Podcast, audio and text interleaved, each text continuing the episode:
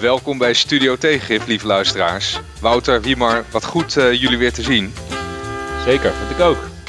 Yes, Randy. En uh, het is trouwens aflevering 83, Randy. 83, ja, we hebben even een pauzetje gehouden. Gewoon om even lekker uh, weer bij te komen van alle tegengif in de wereld, wou ik zeggen. Maar dan moet ik zeggen, alle gif in de wereld. hey, Wouter, jij, had een, jij, jij, had een gekte van de week, geloof ik. Nou, ik had eigenlijk een, een gekte die niet alleen van de week is, maar die we gewoon elke, uh, elke aflevering zouden moeten noemen. Um, uh, dat, dat komt eigenlijk voort uit een van de beste boeken die ik in tijden heb gelezen. Dat is The Ministry for the Future. Als dat ministerie in Nederland zou bestaan, dan zou ik er graag willen werken. Namelijk het ministerie dat over de toekomst nadenkt. Maar dat boek heet The Ministry for the Future. Dat is een, uh, een, een science fiction boek dat gaat over de toekomst. waarin de aarde een beetje naar de ellende gaat door klimaatverandering. Maar dat boek begint met een, uh, een directe aanleiding rond klimaatverandering. Namelijk dat er in, uh, in India ongeveer 2 miljoen mensen doodgaan door uh, immense hittegolven, waarbij de temperatuur vaak boven de 60 graden wordt. En nou, wat schetst mijn verbazing? dat, dat nu in het nieuws het amper gaat over de immense hittegolf die op dit moment bezig is in India. Dus daarom tweet ik al een paar keer dat ja, de, de science fiction, en dat is eigenlijk wel sowieso wel een wetmatigheid, hier eigenlijk realiteit aan het worden is. Um, het is bijvoorbeeld nu in India al uh, weken op sommige plekken overdag niet kouder dan 40 graden geweest. Um, en dat, dat, is, dat is gewoon gekte, want dat kunnen wij ons niet voorstellen. Dat is uh, uh, niet iets dat door, nou, we zeggen, direct door, door kwade mensen wordt gedaan die bomben, bommen gooien. Maar dat is um, ja, uh, gewoon een klimaatcrisis die daar miljoenen mensen treft. Die geen water meer hebben, niet meer kunnen werken, niks meer kunnen doen. Um, dus dat, ja, dat, wat mij betreft is dat bijna elke dag de gekte. Want science fiction begint ons in te halen. Ja, ik Waarom heb, hebben we het daar niet over? Want dat is dus interessant. Hè? Hoe komt het dat we in Nederland daar dus eigenlijk niet over hebben. Of eigenlijk, uh, trouwens ook wel opmerkelijk dat nu de Oekraïne-oorlog, of eigenlijk meer de Rusland-Oekraïne-oorlog, of de inval door Rusland van Oekraïne, dat daar ook nu een beetje de aandacht voor begint te verslappen. Hè? We hebben een korte, het is een beetje alsof van, nee, er komt een, een focus op iets, en dan heel heftig en heel kort. Of het is gewoon, dingen doen er niet toe. Zoals blijkbaar dat het in India ja, maar je, je, 41 graden is. Je kan, uh, je, je, kan er niks mee. Um, ik merk bij mezelf ook wel van klimaatverandering. Je wordt een beetje uh, afgemat of zo door nieuws daarover. Ik vind nou, het soms heel lastig om weer het zoveelste bericht over opwarmende oceanen te lezen. Dat denk ja, dat geeft me toch het gevoel van we gaan allemaal naar de kloten en uh, we, we, gaan er, we gaan er niet in slagen daar wat aan te doen.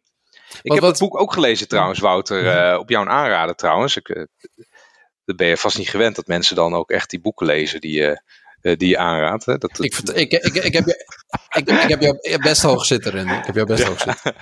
ja, het is echt een hart, dat is echt een hartstikke leuk boek. Want het is een beetje, het is een beetje atypisch, hè? want uh, het gaat heel veel over beleid op een of andere manier. Dus echt een boekje voor ons ook.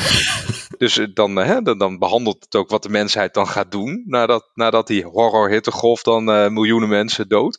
Maar ik had ook echt, ik, ik sloeg de Economist open, ja, op een telefoon. En er stond, er stond inderdaad een bericht van ja, India getroffen door een, uh, nou ja, een soort horror hittegolf. En, eh, ik, was echt, ik had echt even een momentje van verwarring over fictie en realiteit. Want die zinnen zijn dan gewoon precies hetzelfde als in dat boek. Hè? Van ja, het is nu al, het tikt dan de, de wet bulb temperature aan. Dat is dan, ik moest dat ook een paar keer goed lezen om te begrijpen. Maar het is dan de temperatuur dat mensen niet meer kunnen afkoelen door, uh, in de, door nat te zijn en in de wind uh, te staan. Dus dan mm begin je te oververhitten en dan na een paar uur ga je dan dood. Um, en dat, ja, dat, dat is dan aan de hand bijna in India op heel veel, in heel veel gebieden. En wat kan je aan doen dan? De enige manier om daar uh, mee om te gaan is om in een enorm uh, geairconditioneerde ruimte te zitten. En dat is juist weer slecht voor het klimaat. Zou ik, ja, ja maar dat is, de stroom valt dus ook vaak uit als het zo heet is. Dan moet je je voorstellen dat het echt 56, 57, 58 graden wordt. Uh, niet te doen. Stroom valt uit door de enorme, enorme spanning op het netwerk, omdat iedereen dat aan het doen is. Hoe, hoe werkt dit? Waarom valt de stroom uit? Ja, nee, nee ja, iedereen zet zijn airco aan en dan raakt het, uh, dan raakt het overspannen. En ik kan mij ook wel voorstellen dat, dat het dingen wat minder goed beginnen te werken als het uh, 55 graden is. Weet ik niet hoor. Nou, wat er in, in het boek dus gebeurt, is dat India dan ook besluit dat ze de noodtoestand hebben en dat ze de oorlog mogen verklaren aan landen die doorgaan met CO2 uitstoten. Ehm, nou, misschien moeten we niet het hele boek verraden. Ehm, maar ik heb, ik heb trouwens wel een theorietje over waarom uh, dit in de media veel weinig, eigenlijk niet genoeg terugkomt. En dat is omdat het geen human interest element heeft. Bij heel veel verhalen die lang de media uh, domineren, kunnen er leuke kleine verhaaltjes gemaakt worden over mensen die het meemaken. Hier kan je geen interessant human interest verhaal over maken. Dit is pure ellende, pure hel. Um, er zijn geen helden die iets doen waar je een mooie profiel, profieletje van kan maken. Het is pure ellende en de hel. Uh, en daar, we weten niet zo goed hoe we daarmee om moeten gaan. Je, kan, je kan er ook niet zo leuk over TikTokken, denk ik. Dat je dan al, dat je dan al weken eigenlijk voor pampers ligt uh, in je woning. Niks. Omdat het gewoon te heet is om uh, je vinger op te tillen. Ik denk wel dat het veel migratie op gang gaat brengen. Om eens... Oh, wat een, subtiel, hey, wat een subtiel bruggetje weer. De plank is weer over de sloot uh, geworpen. Want uh, deze aflevering gaat over, ja, niet alleen over arbeidsmigratie, Wouter, maar ook, we gaan het even over de arbeidsmarkt hebben. Want die is nogal, uh, die is nogal in het nieuws. Wij zaten ook een beetje te, te dubben hoe we deze aflevering moeten noemen. En daar zijn we ook nog niet over uit, want Um, de bagagemedewerkers uh, komen in opstand. Dus iemand zei al, de slaven komen in opstand. Nu moeten we echt wat doen. Maar misschien is dat toch een beetje te cru als, als titel, Wouter. Ja, ik, ik zou willen opteren voor de titel... Oh jee, misschien moeten de lonen omhoog. Laten we maar weer meer werknemers zoeken. Maar dat is een wat lange titel. Het is wel opvallend hè, dat nu bij die hele uh, Schiphol-discussies of uh, bij de bagagemedewerkers dat uh, de, de, de, grootste tranentrekkende interviewverhalen komen inderdaad van de mensen die in een lange rij staan een uur ja, moeten wachten om een vliegtuig te stappen. Want dat, dat is, is toch de trieste woorden? die keihard wordt geraakt. Maar niet zozeer dat daar mensen ja, door, die, door die vliegtuigen heen gejaagd worden tegen slechte ja, omstandigheden. Dat daar, iemand voor, dat daar iemand voor 10 euro per uur zijn rug helemaal naar de kloten aan het helpen is. Uh, zonder enige arbeidszekerheid al jarenlang. Dat is niet zo erg, maar dat, uh, uh, dat de hardwerkende Nederlander vier uur in de rij moet staan, dat is, de groot, dat is het grote drama wat zich dat hier is het afspeelt. grote drama. En de heer Benschop moet nu terugkomen. Hè? Die komt nu terug van een. Die komt terug uit, uit Davos, Davos, waarschijnlijk met zijn privé vliegtuig. Ja, ik denk, ben, ben, ben benieuwd hoe lang die in de rij moet staan. Ja, die gaat niet lang in de reis zijn. Vraag ik af wat hij dan precies gaat doen op Schiphol. Het zou natuurlijk voor het, voor het beeld zou het heel mooi zijn als hij zelf een vliegtuig gaat uh, inruimen en uitruimen. Dat zou eigenlijk wel uh, uh, goed zijn als hij wat bagage heen en weer gaat slepen. Maar ik heb toch niet het gevoel dat hij dat, dat, hij dat gaat doen. Hey, wat zou jouw titel zijn, Wimmer? ja, jeetje. Wat zou mijn... Ja, uh, we gaan, ik vind het ook lastig. We hebben het over de arbeidsmarkt en dan de krapte en de lonen. Maar we willen het eigenlijk ook over arbeidsmigratie hebben. Of dat een oplossing is, of niet. Want uh, Rennie vertelde net over dat, er, uh, dat, dat de slaven in opstand komen. Maar er is ook wat anders gebeurd. Namelijk, de afgelopen weken heeft de, de arbeidsinspectie. heeft dus in het jaarverslag, als ik goed zeg, gezegd: hey, um, we moeten dus wat beter over arbeidsmigratie na gaan denken. Want die legt een druk op de Nederlandse samenleving en zorgt ervoor dat er erbarmelijke omstandigheden zijn waar de migranten in leven. De baten ervan komen veel al bij werkgevers terecht, terwijl de samenleving de kosten draagt. En op zichzelf is dat denk ik een verhaal wat we wel van andere, in ieder geval van andere politieke partijen op zijn minst hebben gehoord. Um, maar dat de arbeidsinspectie dit zet, zegt, is wel echt nieuw. En dat, dat is wel echt eigenlijk nieuw, best ja. wel groot. Dat, dat een, een overheidsinstantie een, een, eigenlijk een, een nalever van de regels, hè, die, die toezicht moet houden, die moet inspecteren, dat die zegt, we, het wordt uh, te groot en die problemen worden alleen maar groter uh, als we zo doorgaan. Vond je ook niet dat dit... Een beperking dat... voor het aantal arbeidsmigranten in Nederland. Dus de arbeidsinspectie zegt er moet een beperking van het aantal arbeidsmigranten in Nederland zijn. Dus eigenlijk zegt de arbeidsinspectie, hey Europese Unie, al jullie regels over uh, vrij verkeer van arbeid en ook het idee om nu arbeidsmigratie van buiten Europa binnen te krijgen, daar zijn wij het niet mee eens. Dat is eigenlijk wat er gezegd wordt als je het toch verder doorredeneert. En dat gaat, gaat gewoon best wel ver. Ja, want dat, dat moet je even bijvertellen dat um, de Europese Unie iets daarvoor uh, met, een, met een plan kwam om meer legale arbeidsmigratie mogelijk te maken uit landen zoals Marokko, Egypte en Tunesië. Die worden dan, die worden dan specifiek genoemd, uh, viel mij op. Uh, daar, werd, daar werd ook van alle kanten eigenlijk heel slecht op gereageerd. Ja, behalve uit werkgeverskringen natuurlijk. Ja, nou dat is niet waar, Randy.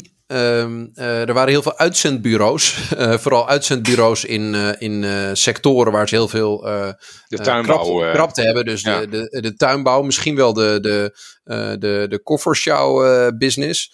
Um, partijen die weinig betalen om, om allerlei zaken te installeren. De bouw. Um, daar was men best enthousiast over deze talent partnerships. Um, maar dat is, uh, het is eigenlijk wel een, een interessante trits van, van, van overheidsrapporten geweest. Dus eerst had je de, de commissie Roemer, die eigenlijk aan de bel trekt van eind vorig jaar over de, de, de vreselijke omstandigheden waar veel arbeidsmigranten in Nederland in leven.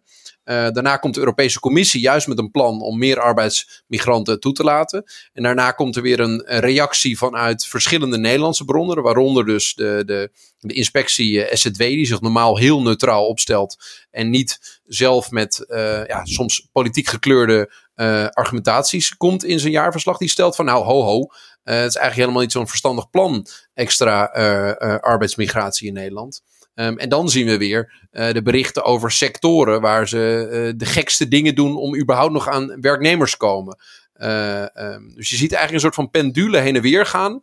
Waarbij aan de ene kant er partijen zijn in Nederland die stellen dat arbeidsmigratie eigenlijk de enige oplossing is om allerlei problemen op onze arbeidsmarkt aan te pakken. En aan de andere kant er partijen zijn die stellen dat dit iets is wat de situatie van arbeidsmigranten en misschien zelfs voor onze hele arbeidsmarkt alleen maar slechter maakt. Het lijkt een soort van heen en weer gaande pendule waarbij uh, instituten elkaar met uh, rapporten zitten te bestrijden. Ja, maar er, er, er, zijn nu echt twee visies aan het ontstaan. Hè? Hoe je om moet gaan met tekorten op de arbeidsmarkt. En een van die visies is legale migratie dus. Ja, ik vind ook dat dat plan van de Europese Unie, het heeft het woord talent. Uh, wat zei je nou, Wouter? Ik, talent het, het pools? Nee? Partnerships. Talent, talent partnerships. Ja, dat was hem, sorry. Talent partnerships. En dan noem je uh, vervolgens uh, de landen Egypte, Tunesië, Marokko. Ja, ik heb toch het gevoel dat de, de mensen die je daar vandaan haalt, dat zullen de mensen zijn die dan in de, hier in de kassen uh, moeten gaan werken.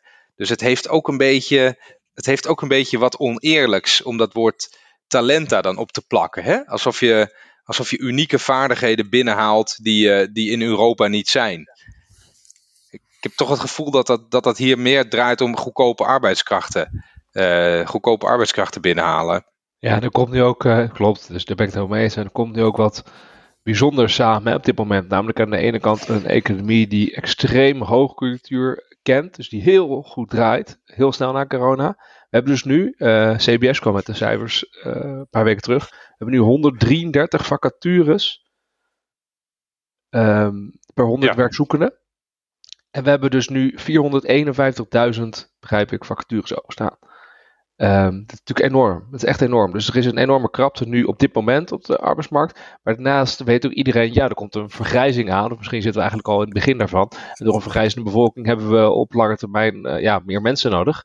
Uh, als we hetzelfde levensstandaard op deze manier willen vasthouden met elkaar. Als we dat ja. niet kunnen corrigeren door productiever te zijn of anders te werken of iets dergelijks. En het is een hele simpele, snelle manier door te zeggen, nou, dan uh, arbeidsarmen moeten moet omhoog uh, gaan. Productieve bevolking moet omhoog gaan. Ja, dan maar, maar arbeidsmigratie. Dus het, is het, het, moment van dit, van dit alles en van al die rapporten is natuurlijk wel goed gekozen. En ik vind het natuurlijk wel opmerkelijk. Ik zit meteen even te kijken op de site van VNO-NCW dan zie je ook meteen dat er natuurlijk weer een berichtje is geplaatst. Uh, al meteen hier in mei, waarin ze zeggen van.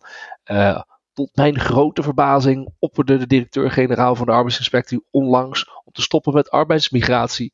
Uh, dus ja, ja, ja. komt hierop terug en die zegt: goed geregelde arbeidsmigratie is onmisbaar. Dus je ziet al de, de, de, ja, de, de, de, lobbykrachten zie je alweer loskomen. Ja, er wordt, er wordt nu heel, de, ik snap dat wel, iedereen heeft zijn eigen belang, hè, maar er wordt nu heel zichtbaar gewerkt aan een verhaal waarin uh, de grenzen wagenwijd openzetten voor arbeidsmigratie, ook van buiten de EU, dat dat onvermijdelijk is.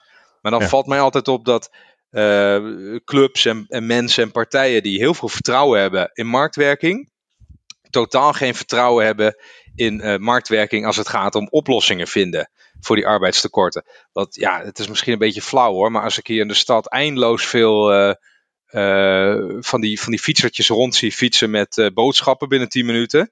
Hoe heette die? Getter en nou, hoe heette die diensten? Die dingen. Dan denk ik, ja, volgens mij zit er nog heel veel efficiëntiewinst verstopt in de arbeidsmarkt. Volgens mij hoef je echt nog lang niet, uh, uh, lang niet weer honderdduizenden goedkope arbeidskrachten binnen te halen. Ja, dat is een ander punt wat natuurlijk meespeelt, is dat um, in ieder geval, ik zie ook meerdere economen juist aangeven dat één. Um, uiteindelijk zullen de, de, de banen vooral wegtrekken, in ieder geval de, de werknemers vooral wegtrekken bij de banen die het meest ellendig zijn. Um, en twee, bij veel van die banen die nu um, uh, lastig te vervullen zijn, kun je je blijven afvragen: zijn dat wel banen die daadwerkelijk onze maatschappij uh, een, uh, een, een stukje verder brengen? Um, hebben we niet. Ja, of, die, of die hier moeten gebeuren. Dat hoeft toch niet per se hier te gebeuren? Um, als, als, als, er, als er hier niemand is die dat werk wil doen voor het loon wat daarbij past, dan is dat misschien geen werk wat, wat, wat, wat, wat nog thuis hoort in een welvarend land zoals Nederland. Ja, of je moet hogere lonen willen betalen. Hè? Dat is natuurlijk ook het interessante. Kijk, en de, de, meer arbeidsmigratie betekent natuurlijk meer arbeidsaanbod. Dat betekent natuurlijk in die zin dat je eh, geen hoge loon hoeft te betalen. Dat is natuurlijk ook het interessante nu van de, van de hele werkgeverslobby.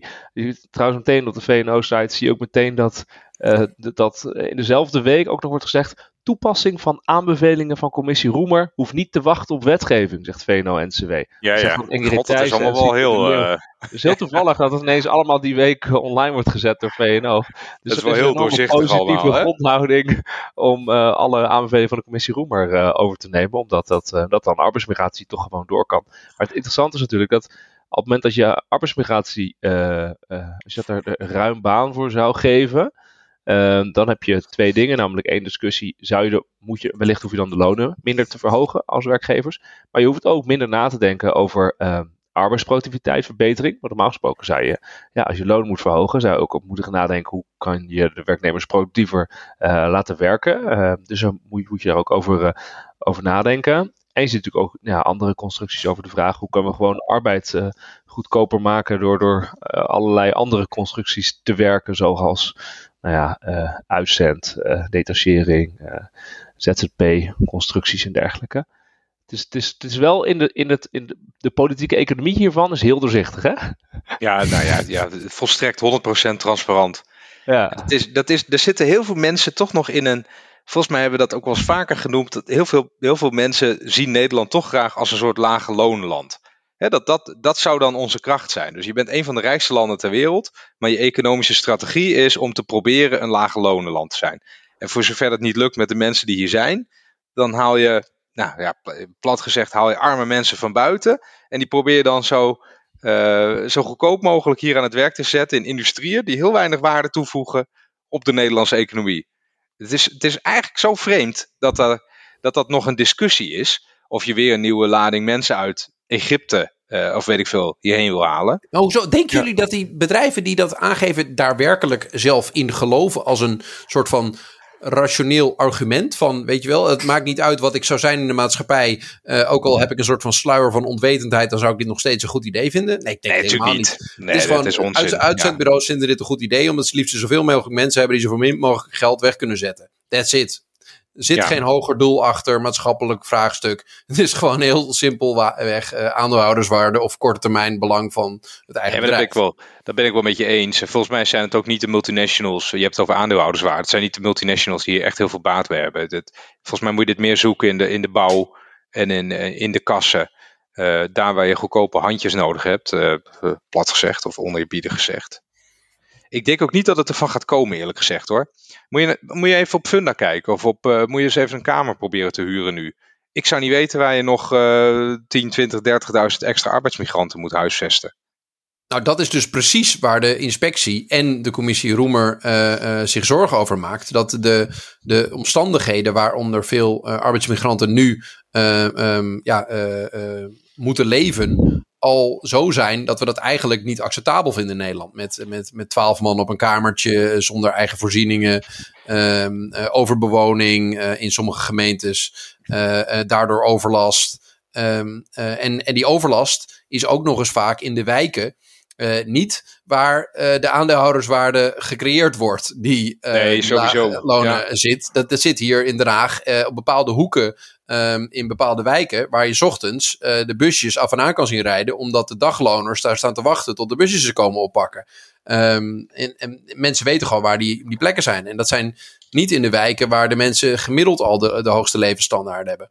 Dus ik snap heel goed dat er ook vanuit, um, laten we zeggen, de, de, de politieke partijen die uh, traditioneel al een wat meer een afkeer hebben van migratie. Um, dat die heel goed snappen dat uh, hun electoraat denkt van ja, uh, Amahula, uh, niet nog meer arbeidsmigranten die één, mijn loon niet verder laten oplopen en twee, de situatie in mijn wijk nog eens ellendiger gaan maken. Nee, maar dat, dat, dat, is, zo, dat is zo evident dat hier geen, dat hier geen draagvlak meer voor is. Ze gaan er, ze gaan er hard in hè, bij de arbeidsinspecties. We hebben het over knokploegen, ja. miserabele, miserabele woonomstandigheden. Het is, het is klip en klaar. Ja, voor hun is het, klippen, het is voor hun klip en klaar, maar dus niet, niet voor, het, uh, voor, de, voor, de, voor het algemene debat, het publieke debat. Het is natuurlijk heel opmerkelijk hè, dat je in een tijd leeft waarin de inflatie 10% is, maar dat we dan niet met elkaar zeggen, hé, hey, misschien moeten de lonen ook meestijgen. Dat zouden we in Nederland nooit doen, hè, dus die blijft er uh, ver onder, terwijl je die discussie natuurlijk zo kunnen voeren. Je hebt hier een commissie Roemer en de arbeidsinspectie zegt, hé, hey, de arbeidsomstandigheden van arbeidsmigranten zijn echt erbarmelijk, wat een ellende, maar daar hebben we eigenlijk niet echt een discussie over. De discussie in Nederland gaat er vooral over, hé, hey, misschien moeten we toch meer uh, arbeidsmigranten binnenhalen, want dat is goed voor onze economie. Dat is hoe wij, uh, en het zorgt ervoor dat onze loon niet stijgen, dat we goed zijn met, met onze export. Dat, dat is hoe Nederland het, debat toch... Uh, Waarom is dat zo, Wiemer? Waarom, waarom want je, je verklaart nu... Traditie. Kijk, kijk, eens wat een gekte ik hier voor mijn ogen zie, uh, zie verschijnen. Waarom... waarom het één, denken we niet aan het idee dat het misschien verstandig is om die lonen mee te laten stijgen? En twee, Waarom wordt het idee dat arbeidsmigratie altijd goed is voor onze algemene economie en dat dat altijd goed is voor iedereen, zit dat zo diep in onze ja, nationale debat? Nou ja, volgens mij gewoon dat wij al heel lang het idee hebben: loonmatiging is goed voor de concurrentiepositie van Nederland. En we zijn een exportland, dus we moeten uh, lage lonen hebben. Uh, want dat is goed voor onze export en dus voor onze uh, economische ontwikkeling. Uh, dat is denk ik wel uh, de kern. En ook de kern, ja, op het moment dat we arbeidsmigratie hebben, gaat uiteindelijk leiden tot meer bedrijvigheid, productie en BBP-effecten. En uh, dat is meer waard dan de nadelige effecten op de, op de maatschappij. Ja, dat, dat zijn. En ik denk als derde, ik denk gewoon dat toch wel de, de lobby-invloed van partijen die bedrijfsleven vertegenwoordigen in Nederland heel duidelijk nou, sterk is. Uh, niet alleen de lobby-invloed, maar ook natuurlijk gewoon binnen via het politieke systeem. Ik bedoel, ja, we hebben gewoon een aantal dominante politieke partijen die, als je het echt diep in het hart kijkt en je zet pistool tegen, zijn hoofd, tegen een hoofd die zegt: maak nu een keuze, dan uh, weet je wel welke keuze er gemaakt worden. Wat bedoel je? Nou, dan weet je dat iedereen heel veel praat en heel veel discussies voert en debatten voert, maar in die end gaat, het, gaat er geen rem gezet worden op arbeidsmigratie. Wat je, niet, wat je nog niet eens noemt is het, het remmende effect op innovatie. Wat meestal. Ja, nou zo, dat was ik even helemaal vergeten. Maar dat probeerde ik net te zeggen met. Inderdaad, op het moment dat je. Je, je wordt. Klopt, op het moment dat je goedkoop, uh, goedkope arbeidsmigratie kan, uh, kan krijgen, het arbeidsaanbod neemt toe, dan hoef je inderdaad minder na te denken over uh, nou ja, investeringen in productiviteit, innovatie, digitalisering, substitutie van arbeid. Dat ook allemaal zou kunnen natuurlijk hey, maar eh, jij zegt trouwens dat het allemaal heel voorspelbaar is. Hè? Maar de, de posities zijn toch niet zo, zo voorspelbaar als mensen misschien zouden denken. Want uh, de, de, woensdag debatteerde de Tweede Kamer over dat EU-plan uh, om meer arbeidsmigranten hierheen te halen. En ChristenUnie en binnen de coalitie dan, hè, waren ChristenUnie en VVD waren tegen en D66 voor. Dus de VVD die, die heeft toch een soort bocht gemaakt hier. Of denk je dat dat dat het voor de bühne is, uh, Wiemar. Ja, bij D66 weet je gewoon dat is een liberale partij. En uh, is ook altijd voor, uh, voor de EU en, en vrij verkeer. En roept al vaker dat er meer arbeidsmigranten moeten komen. Uh, dus dat ja. is geen nieuw geluid van D66. Bij VVD, ja, ja, ja ik, ik denk altijd dat er toch wel een groot verschil is tussen wat er gezegd wordt en wat er, wat er gedaan wordt. En wat er vervolgens eigenlijk bij de achterban wordt ervaren wat er gestemd wordt als de wet, uh, als de wet ja. ervoor liggen. Ja, ik weet, ik weet, maar volgens mij is het. Wat de VVD ook zei in het debat is in ieder geval, ja, uh, waar moeten deze mensen wonen? Dat was eigenlijk even kort gezegd uh, het verhaal. Ja, dat probleem is zo groot nu. Ik zie, ik zie echt niet hoe je dat, waarom je het hier nu over zou, moet, zou willen hebben. En volgens mij zit er nog heel veel, zit er nog heel veel slack in de, in de arbeidsmarkt. Of is dat, ben, laat ik me dan te veel beïnvloeden door de scootertjes en de, de, fiets, uh, de fietscouriers op straat? Nee, je laat je daar heel terecht door beïnvloeden. Dat is prima. Je, en je snapt ook dat uh, je hebt altijd verschillende problemen in de maatschappij die je als beleidsmaker tegen elkaar moet afwegen. En dat nu de weegschaal van de crisis op de woningmarkt zo groot is dat ook de VVD begrijpt. Uh, we gaan niet te veel maatregelen nemen die die crisis nog groter uh, maken. Want dan moeten we aan mensen gaan uitleggen uh, dat we nog meer woningzoekers op de Nederlandse woningmarkt erbij aan het halen zijn. ik denk dat ze snappen dat het een, stom idee is. En daarnaast denk ik dat jij gewoon inziet van. Er waar, waar, ik me altijd over verbaas. Ik heb, als ik, jullie fietsen ook wel eens over straat. Ik heb het gevoel dat ieder reclamebord gekocht is door partijen die online gokken willen stimuleren. Ieder reclamebord. Ik oh, vermoed dat er even een persoonlijk, uh, persoonlijk frustratietje op tafel, ja, ja, uh, voel ik, ik al wel. Ik denk dat half Nederland onderhand gokverslaafd is. Uh, als je ziet hoeveel op televisie, op, op, op, in, in, in abris, uh, bussen nee, en zo. Klopt. Alles gaat er voor online gokken en dat je bitcoins moet kopen. Daar valt het, um, daar valt het geld te verdienen, ja. Crypto en, ik denk dan, en gokken. Ik, ik denk dan de hele tijd, of er zit gewoon heel veel geld in om mensen allemaal verkeerde verslavingen aan te praten. En volgens hun, hun, daar hun geld aan te laten besteden. Omdat die mensen gewoon bij, bij God niet weten wat ze er anders mee aan moeten. Of er zitten ook in deze sectoren heel veel banen. Want er moeten ook mensen die reclames allemaal verzinnen en zo. En, en daar, daar zitten ook allemaal mensen aan te werken. Zijn dat, zijn dat nou niet bij uitstek hele arbeidsonintensieve industrieën? Als je een crypto-platform hebt, ja, dan zullen geen uh, 20.000 mensen werken. Of een, een online gokbedrijf. Ja, je programmeert één keer uh, dat roulette tafeltje of weet ik veel wat, uh, wat voor spelletjes uh, mensen spelen. Ja, ik vrees dat je gelijk hebt. Ik, wou nu, ik kan nu een heel moeilijk crypto grapje over proof of work maken dat jullie niet snappen. Maar dat is dan voor de luisteraar die dat ja, lollig vindt. Ondanks dat wij een podcast over crypto hebben gemaakt, moet ik toch steeds constateren dat het, dat het toch een financieel product is waarvan ik nog steeds denk van waar zit de toegevoegde waarde? Nee, maar de, de kern zit erin dat wij uh, stellen dat er ook heel veel banen zijn waarvan we ons afvragen wat de toegevoegde waarde voor Nederland is. In ieder geval dat. Uh, en of jij nou boodschappen in acht minuten of in tien minuten als je naar de, de supermarkt om de hoek loopt hebt. En dat, dat vind je wat minder nuttig. Nou, ik denk dus dat uh, ook in het uh, dereguleren van mensen gestructureerd de, de gokschulden inhelpen. Dat het ook een matig idee is en dat er ook banen achter zitten.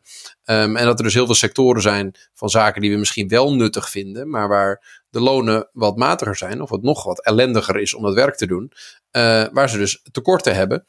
Um, en dan denk ik niet eens zo sterk aan uh, um, in Nederland uh, nog gavere dingen groeien die je beter in Spanje kan groeien, omdat wij zo goed zijn in kassen verwarmen met gas. Um, maar aan uh, dingen als verplegers in te krijgen of in, de, mensen in de kinderopvang. Wij hebben al gehad dat onze kinderopvang dicht moest omdat er te weinig mensen waren. Dat er gewoon geen vervangers waren als mensen ziek zijn. Um, uh, en, en dat gaat in veel meer sectoren gebeuren, die toch vrij cruciaal zijn. Zeker als je kijkt naar wat vitale beroepen waren toen we een uh, lockdown hadden. Um, als die vitale beroepen niet meer vervuld kunnen worden. En die vitale beroepen zijn echt niet uh, die, die mensen die reclames voor, voor, voor gokken maken. Um, dan, dan gaat er toch iets mis op je arbeidsmarkt, toch? Ja, het ja. vreemd is natuurlijk dat, dat die reclames voor gokken, dat die voor een groot gedeelte gewoon gekocht worden door overheidsinstanties. Hè? Dus heel veel van die, van die zaken, zoals uh, is het uh, Toto, Koning Toto, die reclames, dat is gewoon op een of andere. Uh, het is gewoon voor een, gedeelte, ja, voor een gedeelte in de handen van het ministerie van Financiën. Holland Casino doet natuurlijk ook reclames. ja, het is gewoon staatseigendom. Dus ja, maar dat is om te voorkomen dat mensen gaan gokken, geloof ik. Hè? Ja, ja dat maar is dat altijd is het verhaal. Toch wel vreemd een slecht dat, en raar verhaal eigenlijk. Hè? Ja, je gaat ook niet. De Nederlandse overheid dan zoveel geld aan, uh, aan gokreclames uitgeeft. Hè? Dat is toch wel heel vreemd. Dan kan je beter misschien je geld uitgeven aan, nou ja, uh, aan de beroepen die uh, Wouter uh, noemt. Maar ik, ik wil het nog even over de bullshit jobs hebben, want dat, dat, dat fascineert mij. Want volgens mij, volgens mijn gevoel zegt dat is zo. En weet je, weet je wie ik denk dat, dat die, de, de groep die de, die de grootste klappen gaat krijgen van wat er nu aan de hand is, de tekort op de arbeidsmarkt, volgens mij zijn dat gepensioneerden. Want die, er, zijn, er zijn natuurlijk steeds meer gepensioneerden in Nederland. Een steeds groter deel van de bevolking. En er is een soort uh, verwachting van een levenspatroon wat je kan hebben zonder te werken. maar er zijn geen mensen die al die dingen gaan doen. Hè? Dus iedereen wil zijn badkamer laten doen en iedereen wil, wil zes keer per jaar op vakantie. En dan moet de koffer ook nog even getild worden. en het vliegtuig moet nog even gevlogen worden, et cetera. En de, de nootjes moeten rondgebracht worden. Maar als de verhouding tussen mensen die al die dingen willen consumeren en de, en de groep die dat allemaal moet doen, als die verhouding scheef raakt, ja, dan, dan, verschuift, uh, dan verschuift de balans weer. Dus misschien kun je wel verwachten dat de lonen enorm zullen stijgen de komende jaren. Um, en dat, uh, dat, er een, dat er echt best wel een grote herschikking gaat zijn in de economie tussen banen die echt wat toevoegen en banen die we, die we hadden omdat we het ons konden veroorloven qua arbeidsaanbod. Ja, of, je krijgt een, of je krijgt een, een emigratie van ouderen. Zou nog kunnen, hè? Dat de ouderen gewoon naar warme landen vertrekken. Omdat naar het Florida van Europa. Het zal allemaal naar Portugal uh, ja, uh, gaan. Bijvoorbeeld, bijvoorbeeld. Dat zou ook nog een optie kunnen zijn. Uh, natuurlijk. Ja, op zich een goed idee. Ik denk als je naar Roemenië gaat, dat je dan heel leuk aan, aan de Zwarte Zee kan wonen. Nou, ik weet sowieso dat als ik gepensioneerd ben, ga ik niet in Nederland zitten. Dat heb ik al wel bedacht. Ja, Wouter ging naar Noorwegen, toch? Waar ging je ook weer zitten, Wouter? Je ging in een land zitten waar je niet onder water kwam te staan, toch? Als de, als de, als de zee ging stijgen. Op een boot. Ik, denk met, met jullie levensverwachting dat jullie daar met mij naartoe gaan, maar nu nog in een soort van ontkenningsfase zijn. Dus dat, dat komt wel goed. Maar we gaan naar Noorwegen dan? Ja, absoluut. Is er, geen, is er geen land waar je ook droge voeten houdt, maar wat gewoon veel warmer is? Dat zou ik wel fijn vinden. Dat is Noorwegen over 30 jaar, Wiemer. Oh, zo, dat gaat natuurlijk mee. Hoeveel denk je dat ook boven de 40 graden wordt daar? Uh, nee, want, maar dat is ook helemaal niet chill. Dat wil ik dus niet. Nee, dat lijkt me ook wel een, uh, een, een aardig idee. Oké, nou prima. Dan zien we elkaar over een jaar of. Nee, maar vijf, mag ik even wat vragen stellen? Over, over, over, ja, we zien over 40 jaar gaan we gewoon uh, een podcast maken vanuit uh, Christiansand. Um, prachtig plaatsje in Noorwegen. Maar de, de, wat jullie zeggen net is, misschien gaat er wel een grote verschuiving plaatsvinden naar banen die we echt nuttig vinden. Um, ja, dat heeft de, de afgelopen tijd toch ook niet echt laten zien. Uh, want verplegers zijn niet veel meer gaan verdienen. En eigenlijk alle beroepen, daar, daar was die pandemie zo mooi in. Die liet zien wat in onze maatschappij vitaal was. Doordat die mensen uh, wel door moesten gaan. En uh, die vitale mensen zijn niet en masse, weet ik veel, in het openbaar vervoer of in het onderwijs of in de, in de, verpleeg, in de verpleeghuizen een stuk meer gaan verdienen. Ehm, we zien nu gewoon een heleboel andere dingen uh, uh, waar uh, tekorten aan het ontstaan zijn. Um, en de plekken waar flink geld verdiend kan worden aan mensen. Um, daar stijgen de lonen een beetje. Maar in het verpleeghuis kan niet heel veel geld verdiend worden. Um, dat is gewoon iets wat gedaan moet worden. dus dat staat. Ja, is, is, is, die hoek, is die hoek van de economie ook niet ja, veel te rigide wat dat betreft? Want volgens mij kan je als, uh, als ziekenhuis, je kan niet zomaar, of als verpleeghuis, in ieder geval als je een verpleegster nodig hebt, je kan niet zomaar zeggen, nou, we, uh, het lukt niet meer, we gaan de lonen met 20% verhogen. En dat zie je, je, ziet, je ziet in de zorg ook, vast. Je ziet in de zorg ook steeds vaker, uh, en trouwens ook het onderwijs, dat mensen dus stoppen met het werknemer zijn en als zelfstandige verder gaan. Want dat lijkt ja, dat is toch gewoon een soort workaround voor een normale loonsverhoging? Zeker, dat is een workaround voor normale loonsverhoging. Uh, maar uh, precies, dat is, dat is dan wel wat er, wat er gebeurt. Dus je zou via die kant kunnen zeggen, op een bepaalde manier is er al loonsverhogingen in die sectoren. Um, alleen gaat het buiten de CO om. Ja, maar ja, ja nou nee, ik, ik kijk daar toch ik kijk daar negatief naar, want je, het wordt een rommeltje, snap je? Want je, je wil verpleegster worden. Dan zou je denken, nou, we doen die opleiding en dan gaan we gewoon solliciteren bij, bij een ziekenhuis. Maar nu kan je niet gewoon in dienst treden als je een beetje normaal uh, salaris wil verdienen, maar moet je dan in een soort constructie uh, belanden. Ik kan me ook voorstellen dat, dat, dat, ja, dat heel veel mensen weten die weg niet meteen te vinden of hebben geen zin in ingewikkeld gedoe. Dus dat, dat remt toch hoeveel mensen je gaat vinden uh, die daar willen werken. Ja, hey, dat, maar dat is misschien... zeker waar. Ja, Misschien even een beetje richting de, de. Ik ben wel benieuwd. Ik, ben, uh, ik mag even mijn petje opzetten van uh, niet-econoom. Dus ik mag gewoon uh, domme vragen stellen. Um, wat zijn voor jullie, laten we zeggen, wel constructieve oplossingsrichtingen voor deze um, nou ja, crisis op de arbeidsmarkt? Als het dan kritisch is, tekort op de arbeidsmarkt.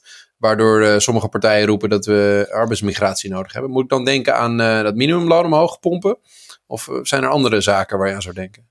Nou ja, weet je, misschien eerst eentje noemen die het volgens mij niet is, maar die vaak genoemd wordt, namelijk de arbeidsparticipatie omhoog uh, gooien. je hebt natuurlijk uh, mensen als uh, Sander Schimmelpennik die altijd roepen, ja, al die luie vrouwen die moeten gewoon meer werken en dan, dan zijn al die tekorten weg. Ehm, maar ja, ik vraag me toch een beetje af of dat nou een oplossingsrichting is. Want volgens mij is het gewoon een vorm van welvaart. Dat je niet uh, als gezin uh, dat beide ouders opgeteld 80 uur hoeven te werken. Volgens mij is dat een model waar mensen heel bewust voor kiezen. Uh, en wat ze graag zo, zo willen houden. en verder is de arbeidsparticipatie in Nederland is gewoon erg hoog. Volgens mij is het een van de hoogste van Europa. Dus dan mag je echt wel afvragen. Ja, tuurlijk kan je altijd zeggen, ja, we kunnen het van 78% kunnen nog opkrikken naar 90%. Maar dat is niet meer reëel op een gegeven moment. Want mensen maken de keuze om, om niet meer te werken, omdat ze dat geld niet nodig hebben, of, of weet ik veel wat, of ze doen nog een opleiding. Um, ik, denk dat, ik denk dat het niet zo reëel is. Ik zou, ik zou denken, als je dan vraagt wat is wel de oplossing, volgens mij moet je het ook gewoon even tijd geven. Volgens mij moet je die tekorten even laten woekeren. Dan, gaan, dan ontstaat er een soort herschikking. Misschien moet je de markt, ja, dat is niet een hele linkse opmerking, eh, Wouter, maar misschien moet je de markt even zijn werk laten doen. Je hoeft, niet altijd link, je hoeft niet altijd linkse dingen te zeggen, Randy. Je mag gewoon, dat zegt maar. Dus fijn dat je me even, even eh, toestemming geeft nu.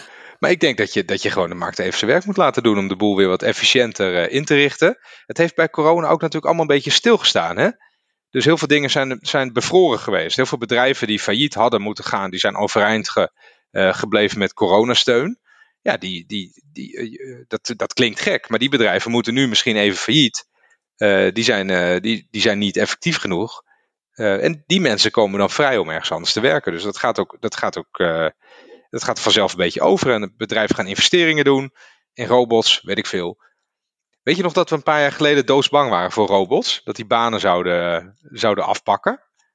Dat was ja, echt een discussie. Een, dat, ja, dat was ook een hele rare discussie. Want Totale onzin. Totale onzin. Daar, alle onderzoeken naar wat er in het verleden is gebeurd als er technologie of innovaties bijkwamen, bleek ook gewoon dat, ja, dat dit niet leidt tot uh, massawerkloosheid.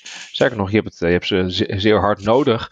Dus je noemt dat dan uh, arbeidsbesparende technologie, hè? Nou, dus de motor der vooruitgang ongeveer. Ja. Dat is ook het, het, interessante wat je keurig, dus... Keurig verwoord weer. Ja, is gewoon zo. Uh, de, als je om je heen kijkt naar alle dingen waar we heel rijk voor worden, is een groot component daarvan dat het niet met handjes wordt gemaakt, maar met machines.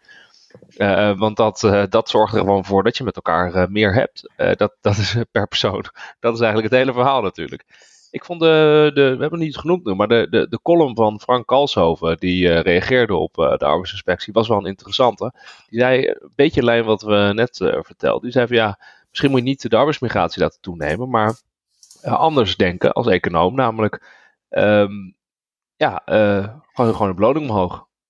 Dan gaan de mensen die nog meer uren zouden willen werken tegen een hoge beloning dat ook doen. Dus dat is ook gewoon een nieuwe balans in de arbeidsmarkt. Als je loon omhoog gooit, moeten werkgevers en bedrijven dus ook na gaan denken over inzet van technologie en uh, vernieuwingen om productiever te worden en ook dus minder arbeid te gebruiken. Dus op lange termijn is het alleen maar goed voor je, voor je welvaarts, uh, standaard. En ja, het leidt er ook toe dat misschien het, de inzet van kapitaal, dat dat, sorry, de inzet van arbeid, dat het beter gaat renderen ten opzichte van de inzet van kapitaal, zoals nu het geval is. Hè? Dus het komt meer in balans. Ja, ik vind dat, dat best wel zinnige, zinnige zaken. Alleen het zijn, wel, het zijn dus wel natuurlijk dingen die dan gaan gebeuren, wat een langere termijn evenwicht is.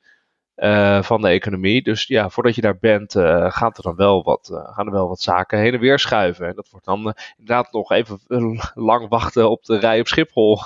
en dat, dat wordt dan inderdaad tekort hebben in sectoren en dergelijke. Maar ja, op een bepaald moment krijg je dan wel een, een nieuwe evenwicht in je, in je economie. En ik denk ook dat we discussies natuurlijk over brede welvaart, die kunnen we wel heel vaak voeren en mooie rapporten over schrijven en, en dergelijke. Maar arbeidsmigratie is natuurlijk gewoon een van de het, een enorm voorbeeld van brede welvaart en een kostenbaatanalyse op dat uh, gebied. Want er zijn enorme maatschappelijke ook negatieve effecten en maatschappelijke positieve effecten. zijn zo breed. Ja, weeg dat maar een keer tegen elkaar af. Ik vind dat eigenlijk uh, niet zo heel. Ik vind dat eigenlijk wel gewoon een goed idee. Weet je, weet je, weet je, wat, mij, weet je wat mij opvalt? Dat vroeger werd wel eens het woord gebruikt dat de economie oververhit was. Um, en volgens ja. mij is dat heel evident nu aan de hand. Er, wordt, er, er, is, er wordt veel meer gekocht dan er gemaakt wordt. Uh, de inflatie uh, is ook torenhoog. Daar heeft, heb je natuurlijk ook die oorlog in Oekraïne. Maar wat we ook in onze inflatieaflevering hebben behandeld, is dat, dat, dat, dat, dat de inflatie al voor die oorlog aan het stijgen was en daar maar heel gedeeltelijk mee te maken heeft. wat, je, wat je daar dus ook aan kan zien. Maar de, de economie is zo oververhit. Ehm, en normaal gesproken is het dan logisch dat de overheid een tandje terug neemt. Of een tandje terug doet. Maar dat is, het, dat is het tegenovergestelde van wat er nu aan de hand is. Er zitten tientallen miljarden in fondsen. De defensieuitgaven gaan omhoog. Allemaal nodig, hè? Uh, is een gevolg van achterstallig onderhoud. En nu zit je eigenlijk een beetje klem. Want je hebt allemaal dingen die je al heel lang had moeten doen. Die ga je dan nu maar doen. Um, en het gevolg is dat de economie uh, nou ja, best wel extreem oververhit. Ja, we zitten in die zin in een hele rare, in een hele rare situatie op dit moment. En met inderdaad ook nog een prikkel voor de overheid om natuurlijk uh, mensen te gaan compenseren voor de hoge inflatie uh, uh, die er is. wat ook tot extra uitgaven leidt. Maar je hebt, geen, je hebt helemaal gelijk natuurlijk. Want, het staat toch in het regeerakkoord hè, dat de komende vier jaar, of in de komende vier jaar, dat er 75 miljard euro extra uitgegeven gaat worden. En er waren, zijn twee hele grote fondsen met tien, tientallen miljarden erin voor stikstof en klimaattransitie en dergelijke ik zeg het, ik zeg het volgens mij. mooi, maar op, op, de vraag hoe, dat, hoe we dat nu met de arbeidsmarkt gaan doen, met deze arbeidsmarktkrapte, uh, is natuurlijk wel uh, een belangrijke vraag om, om even te stellen. Zeg maar. Nee, maar dat, dat, heel simpel, dat kan dus niet. Nee. ik, zeg het, ik zeg het al, ik zeg het nu voor de vijfde keer of zo, maar wij lachen altijd, uh, of wij kijken altijd neer op Frankrijk vanuit Nederland, als het gaat om economie. Maar wij zijn ongelooflijk slecht in macro-economie in Nederland. Het lijkt wel of het hele besef er niet is dat je al die dingen niet uh, tegelijk kan doen, omdat dat een beslag legt op de productiecapaciteit die er helemaal niet is. Maar de, de, de optimistische uh, econoom die uh, achter al die fondsen zit, die zegt toch gewoon van, nou, dat is prachtig die krapte op de arbeidsmarkt. In combinatie met die fondsen is er de grootste innovatie en arbeidsefficiëntieprikkel die we ooit hebben gehad. Ehm, dus uh, bedrijven die prachtige ideeën hebben om, uh, om uh, productieprocessen wat efficiënter en misschien wat groener te organiseren, klopt bij ons aan de bel. De fondsen staan klaar. het is fantastisch, die, die krapte. Die krapte helpt alleen maar om die, die fondsen in te zetten om innovatie te stimuleren. Of, vergis een groot probleem is dus Een groot probleem is natuurlijk dat, dat Renny zegt dat we zijn in Nederland heel slecht in macro-economie. Maar ik denk dat een groot probleem is dat Nederland gewoon heel slecht is in, in kiezen. Dus je, je maakt een, zeg maar, als je een keuze maakt, waar hebben we nu arbeidskrachten voor nodig? En je wil bijvoorbeeld aan transities werken, omdat je dat heel belangrijk vindt voor je land. Dan moet je ook een keuze maken waar je geen arbeidskrachten nodig hebt. Uh, en daar een beslissing uh, nemen. En, nu, en daar ook beleid op voeren. En nu lijkt het net alsof we, ja, we gaan gewoon alles doen. En dan kijken we waar het schip strandt. We stellen gewoon het geld beschikbaar en dan zien we wel wat er gebeurt. En je kan wel zeggen dat op termijn het tot een, tot een innovatie leidt, hè, tot, uh, tot allemaal vernieuwingen bij uh, blijkbaar stikstof en transitiebeleid. Maar het duurt wel even, jaren, voordat die innovaties er zijn. Dus dat betekent gewoon dat je grote vertraging op gaat lopen uh, op je stikstof- en, en klimaatbeleid. En volgens mij wil je dat niet. Je kan op andere terreinen best makkelijker een vertraging oplopen, omdat het gewoon niet belangrijk is voor, nou ja, toekomst van de wereld. Zou ik zeggen. Rijden op luchthavens bijvoorbeeld. Ja, bijvoorbeeld. Kan je gewoon niet als probleem beschouwen. Je, dit, dit, nou is, nou Wat voor groei wil je? Dat is dan de vraag. Hè? Wat voor groei wil je eigenlijk? Waar, waar wil je je productiecapaciteit voor inzetten? Waar wil je arbeidskrachten voor inzetten? Als je dat allemaal gewoon een beetje vrij laat, ja, dan komt uiteindelijk gewoon. Uh, waar gaat het dan, wat gaat er dan gebeuren? Er gaan in bepaalde sectoren de lonen heel erg omhoog, waar mensen een goede onderhandelingspositie hebben. En uh, op andere plekken komt er grote krapte. En wat gaat er dan gebeuren? Nou, de eerste optie wordt dan op arbeidsmigratie.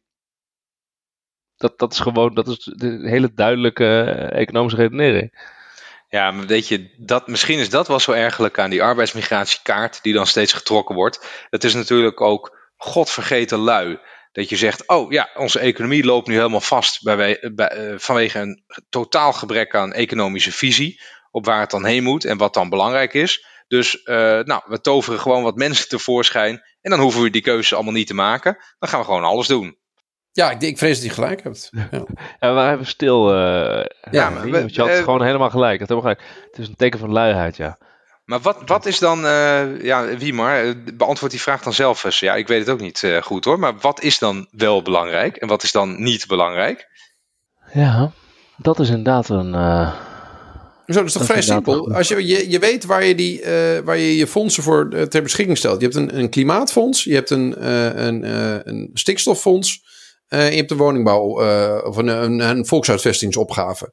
Nou, dat kun je prima als overheid ook inzetten om stimulerende maatregelen te treffen. Om daar innovatie mogelijk te maken of daar arbeidsmarktproblematiek aan te pakken.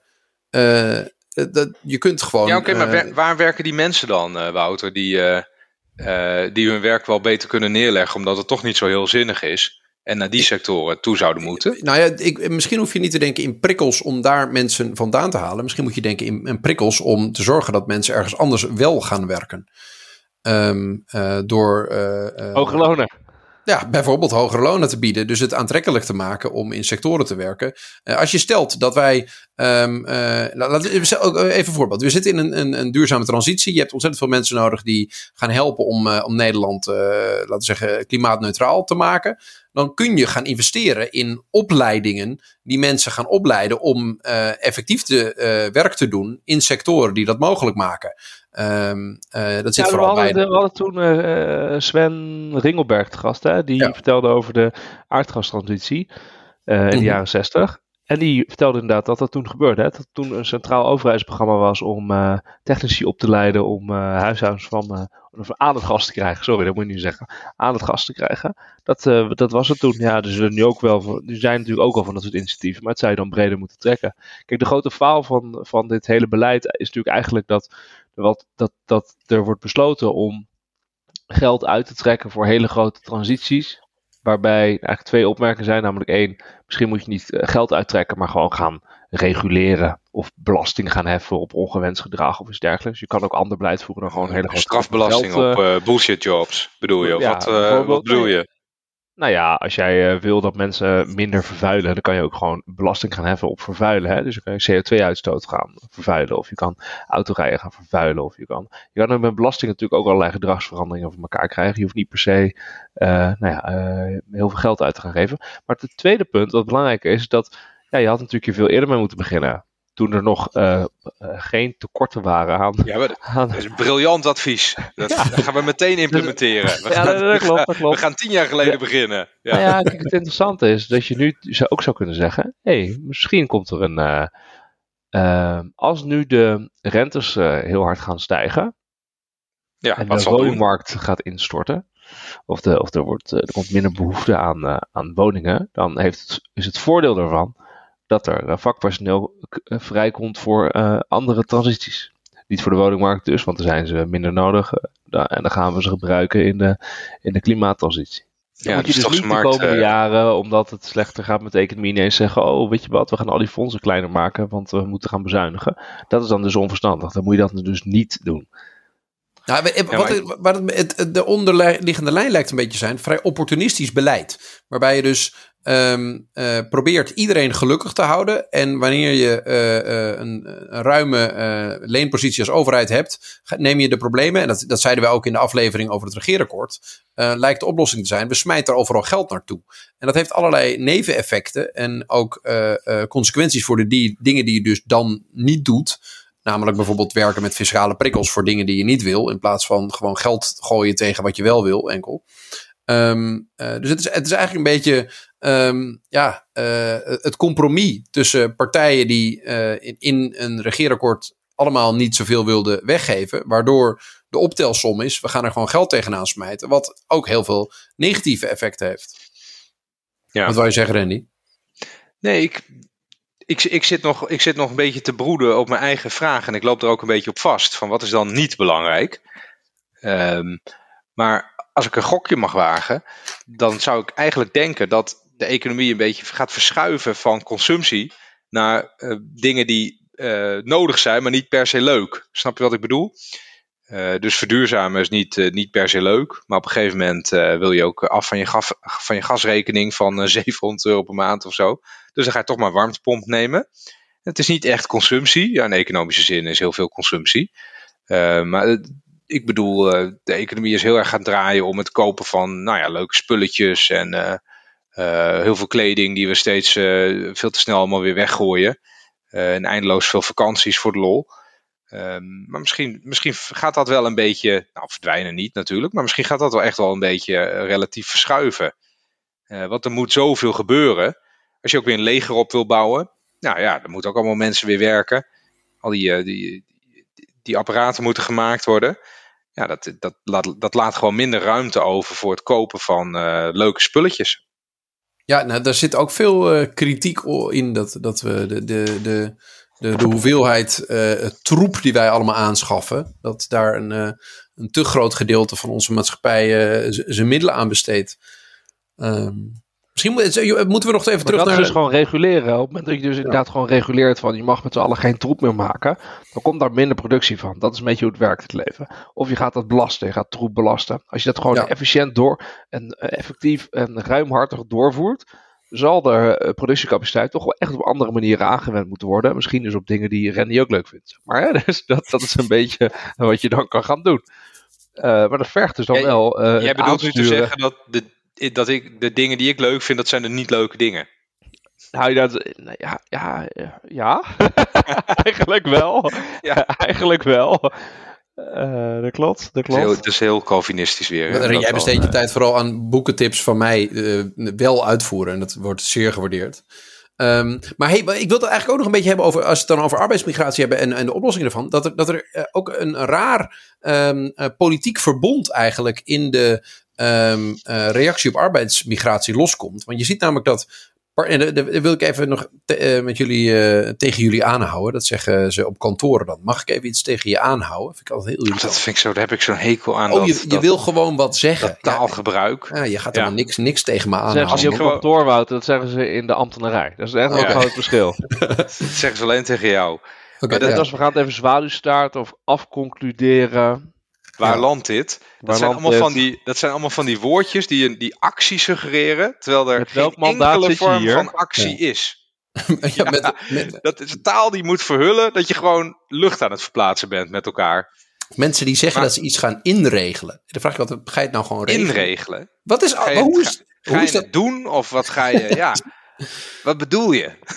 Oké, okay, maar ik wou dus zeggen, uh, wat ik even tegen jullie aan wilde houden, is uh, de uh, de, het politieke verbond dat geschapen wordt tussen uh, partijen die tegen uh, migratie zijn. Uh, en soms ook gewoon xenofobe partijen. Dus de partij aan de, de radicaal rechtse kant van het spectrum.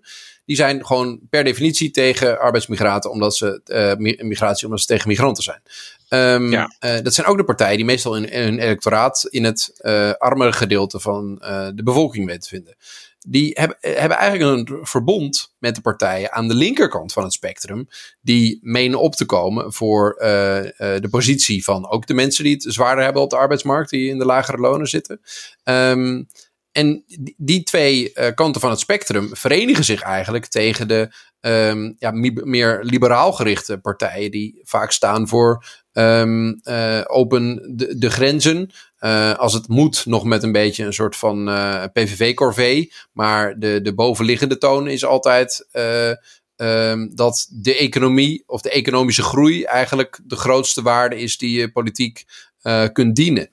En, ja, ja, en het is een soort mensenrecht dat iedereen hier mag komen. Die, die dat wil. Kan natuurlijk niet. Maar ja, dat, is meer, dat zijn meer de, de, de houding dan. De, de, de sociaal-liberalen die geloven dat. Nou ja, en, en, en ook sommige sociaaldemocraten die geloven in um, internationale solidariteit en het idee dat grenzen aan zich een menselijk construct zijn wat lastig te rechtvaardigen is. Uh, maar wat ik altijd interessant vind is dat um, dit arbeidsmigratie is het punt waar uh, meer socialere partijen of partijen die sociaal-economisch aan de linkerkant van het spectrum zitten, die vinden de, uh, de racisten.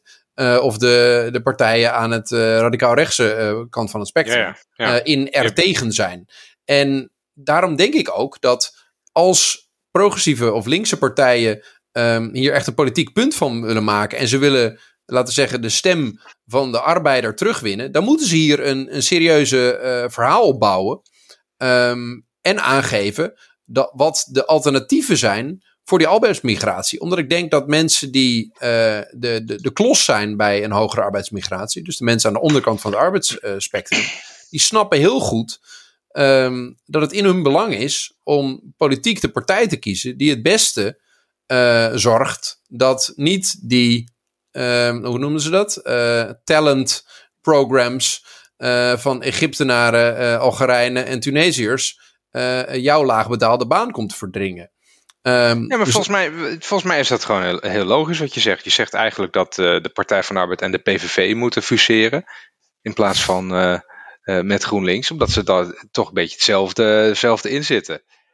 Nou, Maar ik zeg, eigenlijk als de Partij van de Arbeid en de SP een beetje een aantrekkelijk verhaal willen hebben voor die arbeider die 30 jaar geleden op ze stemde, dan link je het verhaal dat je maakt, dus dat de minimumlonen omhoog moeten, aan het idee dat ehm, de liberale partijen enkel roepen dat arbeidsmigratie een goed idee is, omdat dan de economie gaat groeien en dat economische groei het beste is wat de maatschappij kan overkomen. En je tegenargument daartegen is van, luister, één, beste eh, arbeider, die economische groei brengt u helemaal niks, want uw loon is de afgelopen 20 jaar niet gestegen. En twee, als u niet wilt dat uw eh, baan die u nu nog heeft ook nog eens verdrongen wordt, of dat uw loon al helemaal niet gaat stijgen, nou, dan moet u vooral eh, voor arbeidsmigratie zijn.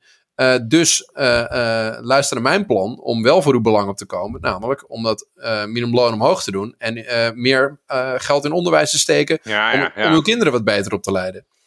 Maar er is natuurlijk wel een probleem met die redenering. Want Ja, vertel. de eerste redenering is dat een heel groot gedeelte van Nederland zijn lonen wel ziet stijgen. Al is het maar doordat ze gewoon ouder worden en een beetje carrière maken en eh, wat dingen gaan doen. Dus die, die zien hun lonen wel vooruit gaan. En ehm, het tweede is dat eh, dat het niet zo is dat door arbeidsmigratie eh, enorm veel werk verdrongen wordt. Er wordt vaak gewoon werk gedaan wat niet Het komt er gewoon bij. ja, het gewoon gewoon extra bij. Er wordt extra, extra werk gedaan wat niet door de, dat dan, de Nederlandse bevolking eh, gedaan wil worden tegen de huidige lonen. Dus ja, dat, dat is natuurlijk wel, eh, dan gaat het wel fout. Eh, dan gaat het wel anders lopen. En onthoud dat de SP, Lilian Marijns, heeft natuurlijk geprobeerd hè, een aantal keer om, en ook eh Ron Meijer, de vorige voorzitter, om de SP meer die kant op te krijgen. Nou, dat, dat is niet op een bijsucces uitgelopen.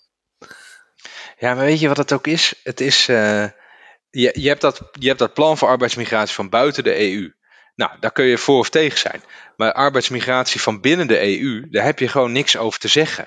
Eh, voor zover ik weet. We hebben wel eens eerder gezegd, eh, je, zou, je zou daar een vergunning op moeten zetten. eh, zodat je quota's kan invoeren. Eh, maar vooralsnog eh, past dat niet binnen de Europese verdragen. En kan iedere Bulgaar of Roemeen die hierheen wil om te werken, die kan hier gewoon heen. Dus dat maakt het ook lastig voor de SP bijvoorbeeld om daar een punt van te maken. Want ja, je, je kan het wel blijven roepen. Maar mensen, daar, daar hebben ze natuurlijk wel vaak een beetje last van. Dat ze, dat ze niet een valide plan hebben om dat ook realiteit te maken. Ja, dat is natuurlijk waar. Daar heb je wel gelijk. Er is geen eh, echt plan. Maar eh, ja, ik vind wel dat je uiteindelijk zou er wel wat mee moeten doen, toch? En vanuit, eh, vanuit de SP. Ik vind het gewoon lastig. Je, wat, wat volgens mij heel belangrijk is, is dat.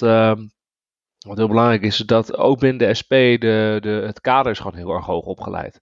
Dat zie je gewoon in Nederland. We hebben er eerder ook uitzendingen over gemaakt. Dat je ziet dat eh, partijkaders, eh, en vooral de mensen die richting de bepaalde posities gaan, dat die relatief hoog opgeleid zijn.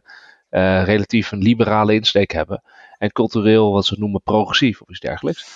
Ehm, dat betekent dus dat, dat dit soort Ja, die ideeën daar heel anders slecht over. Ja. ja, en, en die zit natuurlijk eerder eh, nou ja, in de regio's waar ook werkgevers zich eh, bevinden. Dus die, die de, de voordelige kanten ook van migratie zien als in de economische opbrengsten. De maatschappelijke eh, kosten zitten natuurlijk niet zozeer bij, nou ja, bij die mensen. hey, volgens mij hebben we een uurtje rond eh, gepraat. Lekker uurtje. Wouter, jij doet Uurtje. meestal de, een beetje een stichtelijke conclusie. En dan, eh, dan, dan knikken Wiemar en ik eh, knikken van zo zit het. Ja, ik ben er nog niet helemaal uit over arbeidsmigratie. Ik heb ooit in mijn leven een, eh, een, een, een blogje gege- geschreven toen ik nog eh, student was. Over dat ik grenzen filosofisch gezien, eh, of nee, een artikeltje eh, lastig te verdedigen vond. Dat was voor een eh, vak over. wel heel, eh, wel heel bourgeois, hè? ja, was bij een Ja. eh, vak over filosofie. Ehm, en ja, ik denk dat dat nog steeds zo is. Maar het probleem is dat, eh, dat de praktijk toch ehm, uitwijst dat arbeidsmigratie ontzettend veel nare dingen in onze maatschappij teweeg brengt. Ehm, en dat wij ook tot de conclusie komen dat de economie op een heleboel andere manieren ehm, eh, de doelen die wij als Nederland hebben, misschien wel beter kan bereiken dan uh, roekzichtloos over te gaan tot eh, groepen mensen hier naartoe halen. Anderzijds denk ik op de langere termijn dat, en daar wilde ik ook beginnen met dat voorbeeldje van, eh, van India dat eh, letterlijk aan het opwarmen is. Denk ik dat de, de migratie ook iets is ehm, wat je in die end niet tegenhoudt. Ehm, maar dan is het niet vaak uh, arbeidsmigratie aan zich, maar is het echt migratie om een ellendige plek te verlaten en een, een prettigere in je leven te hebben.